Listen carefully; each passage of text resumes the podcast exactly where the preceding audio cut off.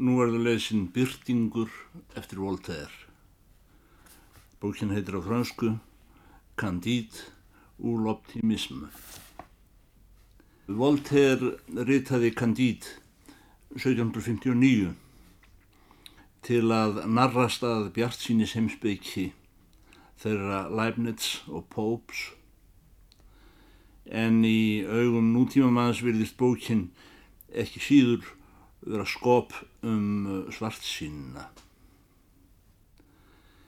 Í verkinu eru saman slungnir margir þræðir úr samtíð höfundarins, sögulegir atbyrðir, bókumenta hugmyndir, deilumál, sumt dölbúið, annað ekki.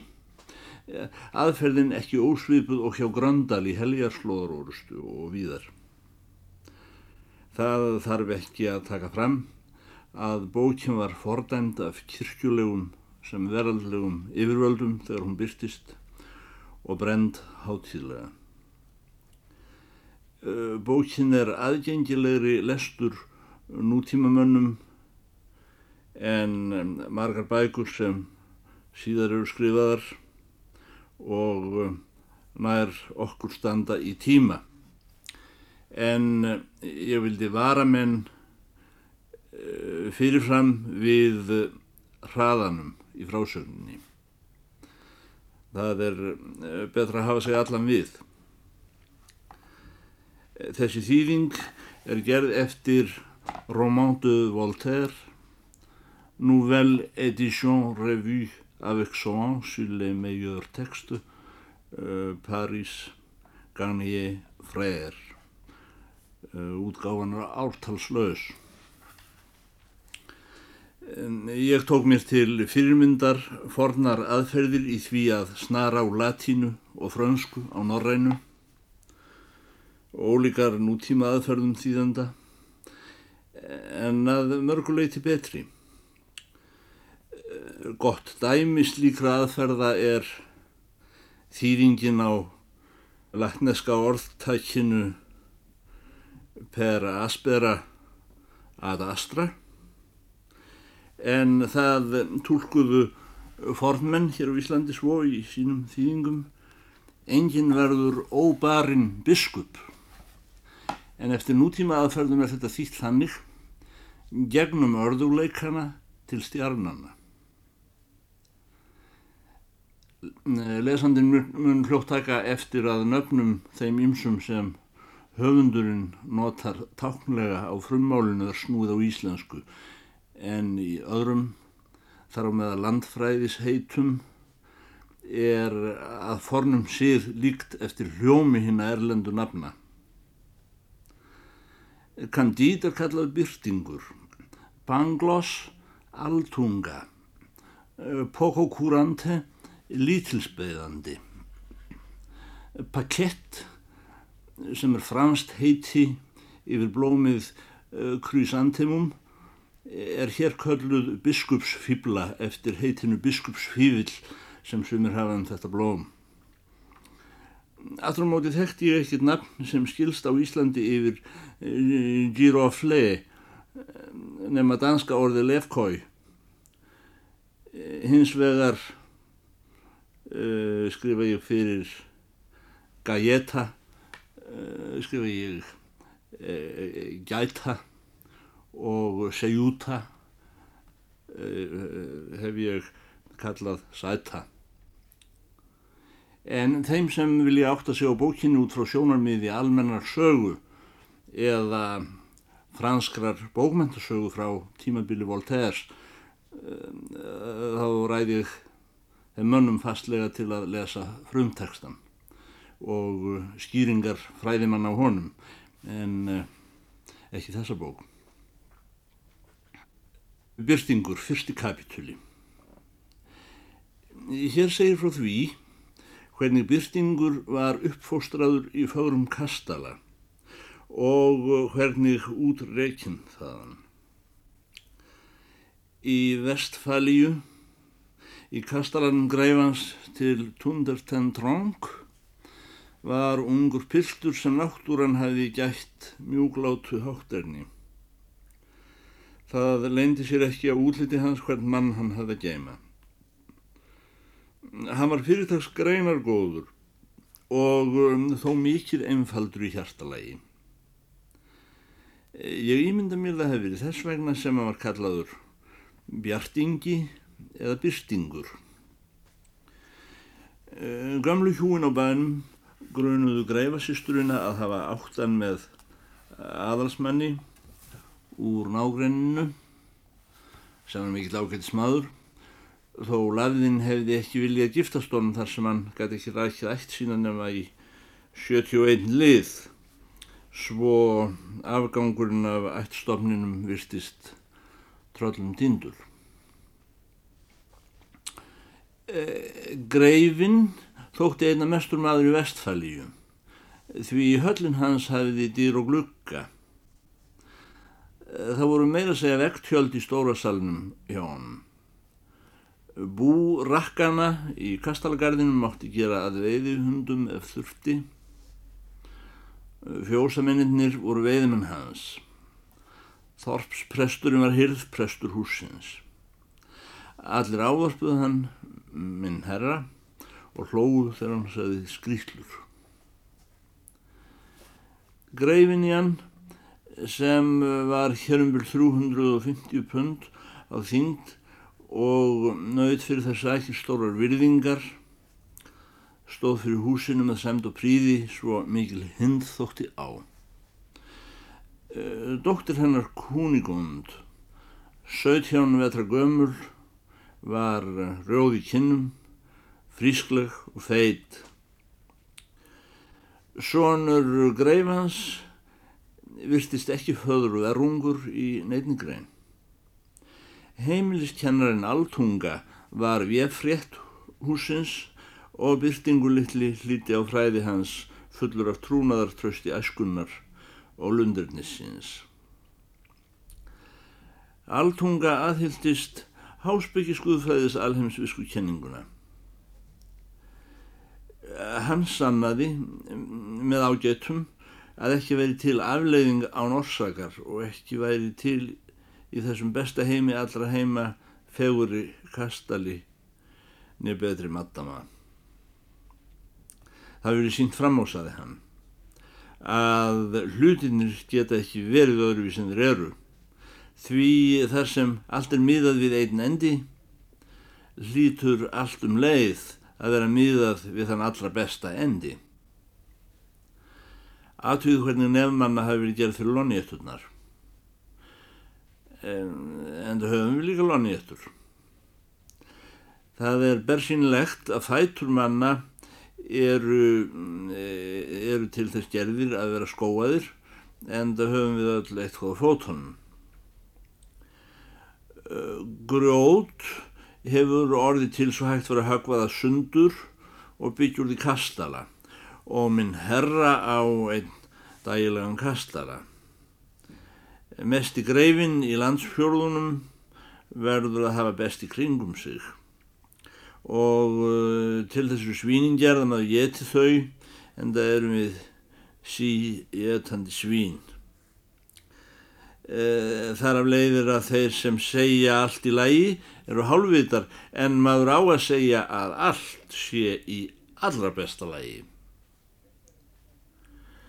Byrtingur hlustaði mjög nákvæmlega og, og trúði af sagleysi. Því honum fannst ungfrú Kunigund framúrskrandi lagleg þó hann bristi kjark til að segja svo. Eh, hann komst að þeirri nýðustöðu að næst því að vera greifi til Tundertentrong kæmi það að vera ungfrú Kunigund. Þriðja best var að mega sjá hana daglega og það fjórða að mega hlusta á mestara altungu, mesta heimsbyggingi landsfjórðunum og þar með á jörðinni. Einn dag þegar Kunigund var að spá sér í rundinum sem það kallaði gardin sá hún á bakvið runn hvar doktor Altunga var að gefa stofupíunni leksíu í líkamlegri tilraunafræði. Stúlkaðan lítil og dökkhærð og að því skapi námfús og með því ungfrú Kunigund var hið besta lögð fyrir vísindi tók hún vel eftir þeim ítrökkuðu tilraunum sem hún var vitni að. Mm, hún sá glöglega hvers vegna doktor Altunga hafiði gildar ástöður fyrir hegðun sinni eh, sem og allar afleiðingar og orsakir í málinu og gekk burt þaðan í sveplum en þó hugsi. Laungunar fulla vita rétt sjálf og hugsaði með sér að einnig hún kynni að hafa gilda ástöðu byrsting hinn unga og þau hortið annað. Hún mætti byrstingi þegar hann var á heimleið til Kastalans og ráðnaði. Byrstingur ráðnaði á móti. Um, þau buðu hortur og góðan daginn með hyggsta og byrstingur hóf máls við hana án þess að vita hvað hann var að segja. Daginn eftir þegar þau gengur frá borðum, eftir miðdegisverð, hittust þau bak við vindskíli. Kunigún þóttist missa vasaklútinsinn, byrstingur tók hann upp hún tók sakleisislega um höndin á honum, pilturinn kisti sakleisislega hönd frökannarinnar fullra fjöri og tilfinningu og með alveg sérstakri kursteysi. Það mættust á þeim varirnar, það fór að loga í augunum á þeim Þau títruðum hén, hendunar á þeim fóru vegar vilt. Herra greifin til tundir ten trónk, gekk fram hjá skílinu og þegar hann sá þessu orsök og afleiðingu, rakan byrsting burt úr kastalanum og sparkaði í sitjandan á hann. Það leiði við kunigund. Frú greifin í hann gaf henni utanundir óðan og raknaði við.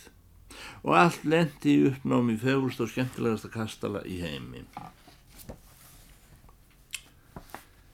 Annar kapitúli Hvernig fór fyrir byrting hjá búlgurum? Þegar byrtingur hafi verið reikinn úr hinn í jarðnesku sælu, gekk hann lengi án þess að vita hvert, hóf upp augusinn til himins og leitt oft við í áttina til kastalans fara sem gemdi hinn að fríðustu allra græfata etra. Hann lagðist málþóla niður á akkur millir plófara. Það var hún slapp að drífa. Byrtingur drókst daginn eftir inn í nágrannaþorpið Valdberg Hoff Trarpk Dickdorf. Svona orðun notar Voltaire ekki e, til þess menn reyna að bera þau fram heldur sjálfsagt til að narrasta þýsku. E, sem sagt auðralaus og aðframkomin af hungri og þreytu. Hann settist nýður fyrir utan hjá veitingamann í Dabríbræði. Tveir bláklættir menn tóku eftir honum. Heyrðu lagsmaður, sagðan. Líkt á þannig laglega pilt. Hann er að fyrirskipaður í stærð. Þeir fóru til byrstings og spurði hann kurtislega hvort hann vildi ekki fá sér að borða. Mín herrar, saði byrstingu ljómandi af hæversku því gerir mér stóran heiður en ég á ekki túskilding með gati. Hva? saði annar hennar bláa. Eins og því líkir príðis og ágætis menn þurfum við nokknum að borga. Eða eru þér kannski ekki fimm fett og fimm þunn ungar? Jú, mín herrar, það stendur alveg heima, saði hann og fruktaði. Já, ég móna sér. Gerir þá svo verið að fá þau sæti. Við gerum meira en bjóðaður upp á hressingu. Við látum ekki viðgangast að annar eins maður sé öðra laus. Menninir eru til þess gerðir að hjálpa hverjar öðrum. Það er nokk til þýsaðu byrstingur.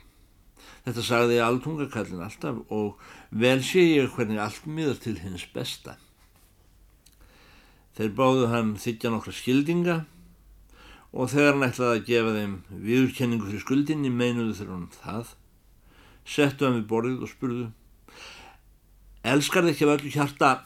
Jú, mikil óskup, sagði hann, ég elska ungfrú kúnigund af öllu hjarta.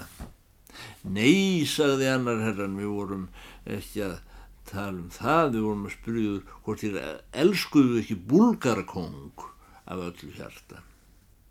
Nei, ekki hann, saði pilturinn, því ég hafa aldrei séðan. Hvað er að heyra? þetta sem er stór skemmtilegur kongur. Fyrir alla minni drekkum hann skál. Það er ekki náttúrulega sjálfsagt mínir herrar. Síðan drakk hann.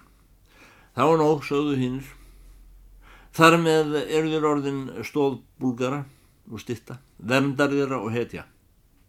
Hamingjan bróðsir viður og fræð í þar stendur höstum fótum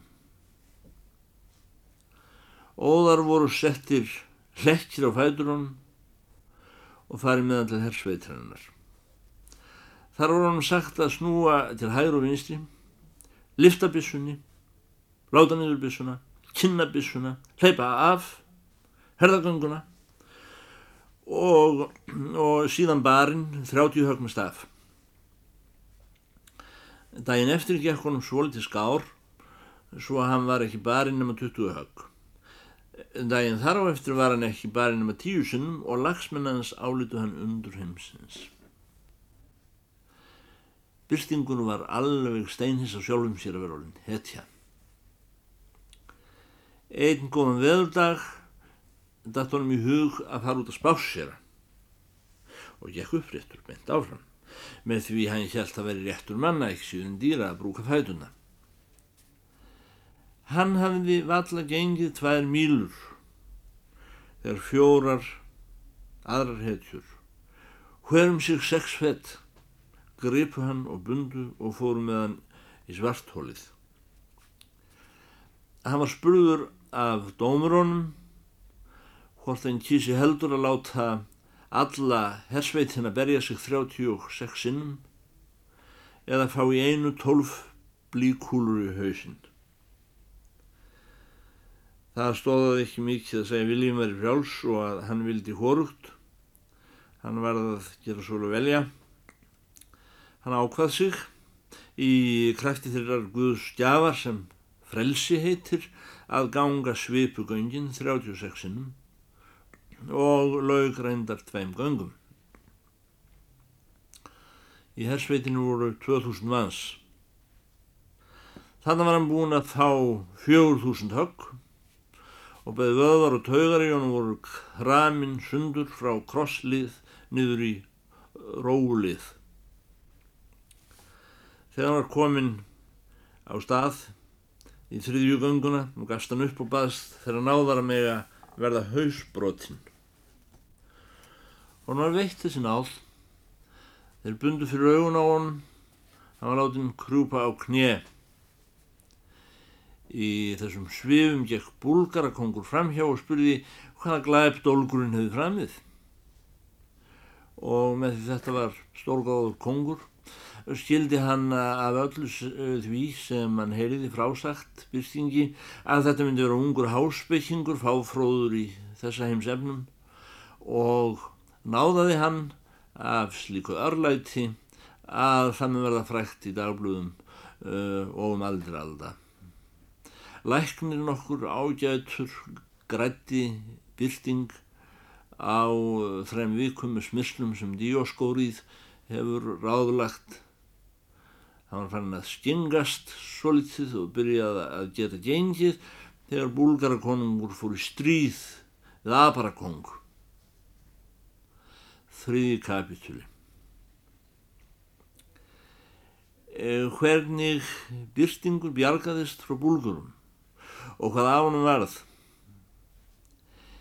Ekkert gæti fegura rennilegra, glæsilegra, nýja betur uppsett en herinnir tveir. Lúðratnir, eh, þverpípurnar, óbúurnar, trömburnar, fallbissurnar, allt myndaði þetta því líkt samræmi að e, jafnvel í helvíti ekkert slíkt. Fallbissunar lögðu að velli í fyrstu lótu hérna byrj 6.000 manns hórum einn. Síðan afmáðu bissuskitturnar af þessum besta heimi allra heima nýju til 10.000 fanta. Bissustingurinn var einnig gild ástæða fyrir nokkur þúsund mannslátum. Einar 30.000 sálir fóru þar fyrir lítið. Byrtingur skalf eins og heimsbyggingi samir og reyndi að láta sem minnst á sér bera í þessu heðhjulega slögtunarverki.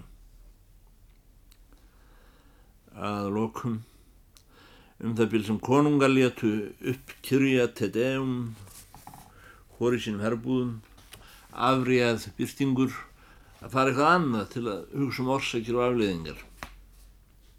Hann stiklaði yfir valin og komst fyrst til Þorps í nágrenninu þar var allt í kalda kóli.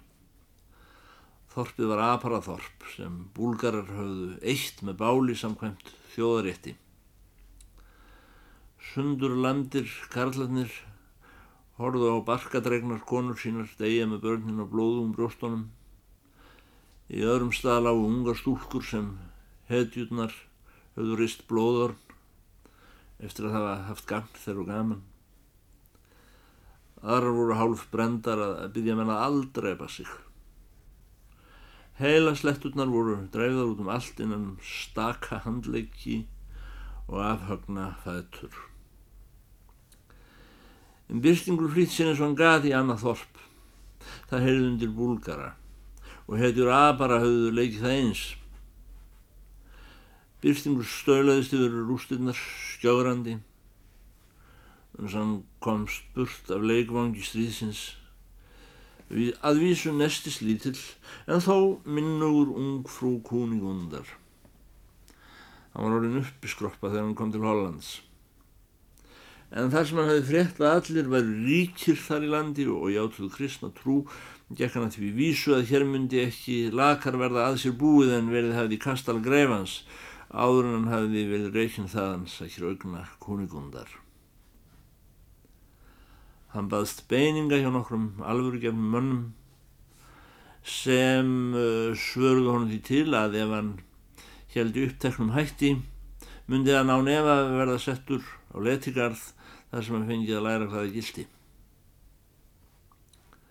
Því næst snýri hann sér að manni nokkrum sem var að enda við að halda klukkutíma fyrirlestur, en kjallegsverk, fyrir áheyrandaskara. Mælskus snillingurinn horfiði í gegnum hann og sagði Hvað er þú að gera hér? Vinnur þú fyrir góðan málstað? Engin afleiðing er án orsakar, sagði Byrtingur hæfersklega. Allir hlutir eru í einni keðju og miða til hins besta. Við hefur verið þannig til hagað að ég var reygin burt frá henni ungfrú kúnigund hef síðan gengið svipugöngin og verð nú að byggjast beininga þannig til ég get færð að vinna fyrir mér. Þannig hlaut þetta verða og ekki öðruvísi. Vínur sæl, sagði þá ræðusnillingurinn. Haldi þér að Pávinn sé and Kristur. Öngan hef ég nú hér segja það, sagði Bystingur. En hvort hann er það eða ekki þá er ég glór hungraður þú átt ekki skilað að fá ég þetta sagði hinn. Farðu fjandans til balvaður ormunuðinn og kontu aldrei fyrir mínu augufranna konan ræður snillingsins það er ekki höfuð út um glukkan og þegar hún heyrði að hinn ókunni efaðisum að páfum veri andkristur og blöskraðinni svo að hún steipti yfir höfuðunum fullum koppi.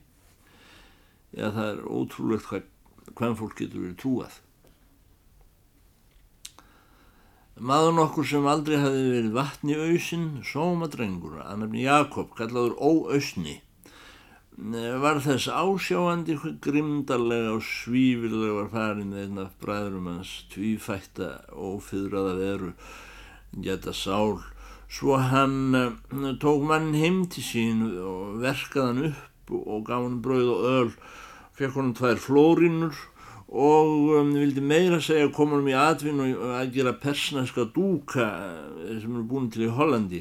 En um, hann rak þess konar vinnustofum. Byrtingur var að því komin að kasta sér flötum niður fyrir framann mann og saði Mestari alltunga vissi hvað hann söng. Þegar hann held í fram að í þessum heimi stemdi allt til hins besta en það er ég ólíku dýpra snortin af þessu framúrskarandi göfulindi yðar en hörkunni í mónsjörunum í, svart, í svartafrakkan að ég nú ekki tali um konuna hans. En daginn eftir, þegar hann fór út að spásýra, mætti hann bjálfa einum sem var allur kaunum hlaðinn og sljói honum augun Jétið af honum nefið og svartar í honum tennurnar, ákallega kverkmeltur og slæmur á hústa og hrökk út úr honum einn tönn í hverju hústakviðu. Fjórði kapitúli Hvernig Byrstingur hitti aftur kennara sinn í heimsbyggi, doktor Altungu og það sem síðar gerðist.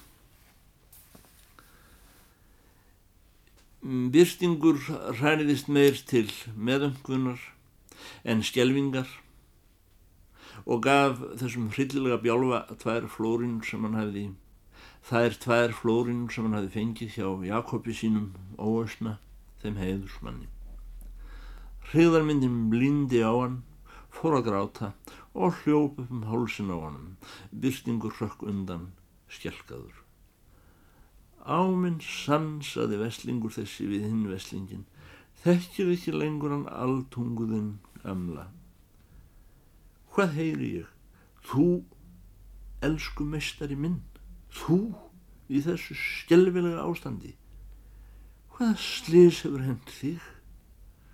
Af hver, hverju er þú ekki lengur í fegurstu höll allra halla?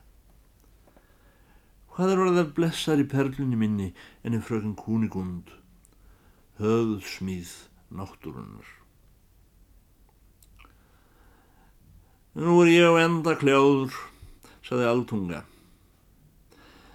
Byrstingur fór óðar með mannin í hestúsi til hins óausna, þar sem hann var gefin bröðpitti.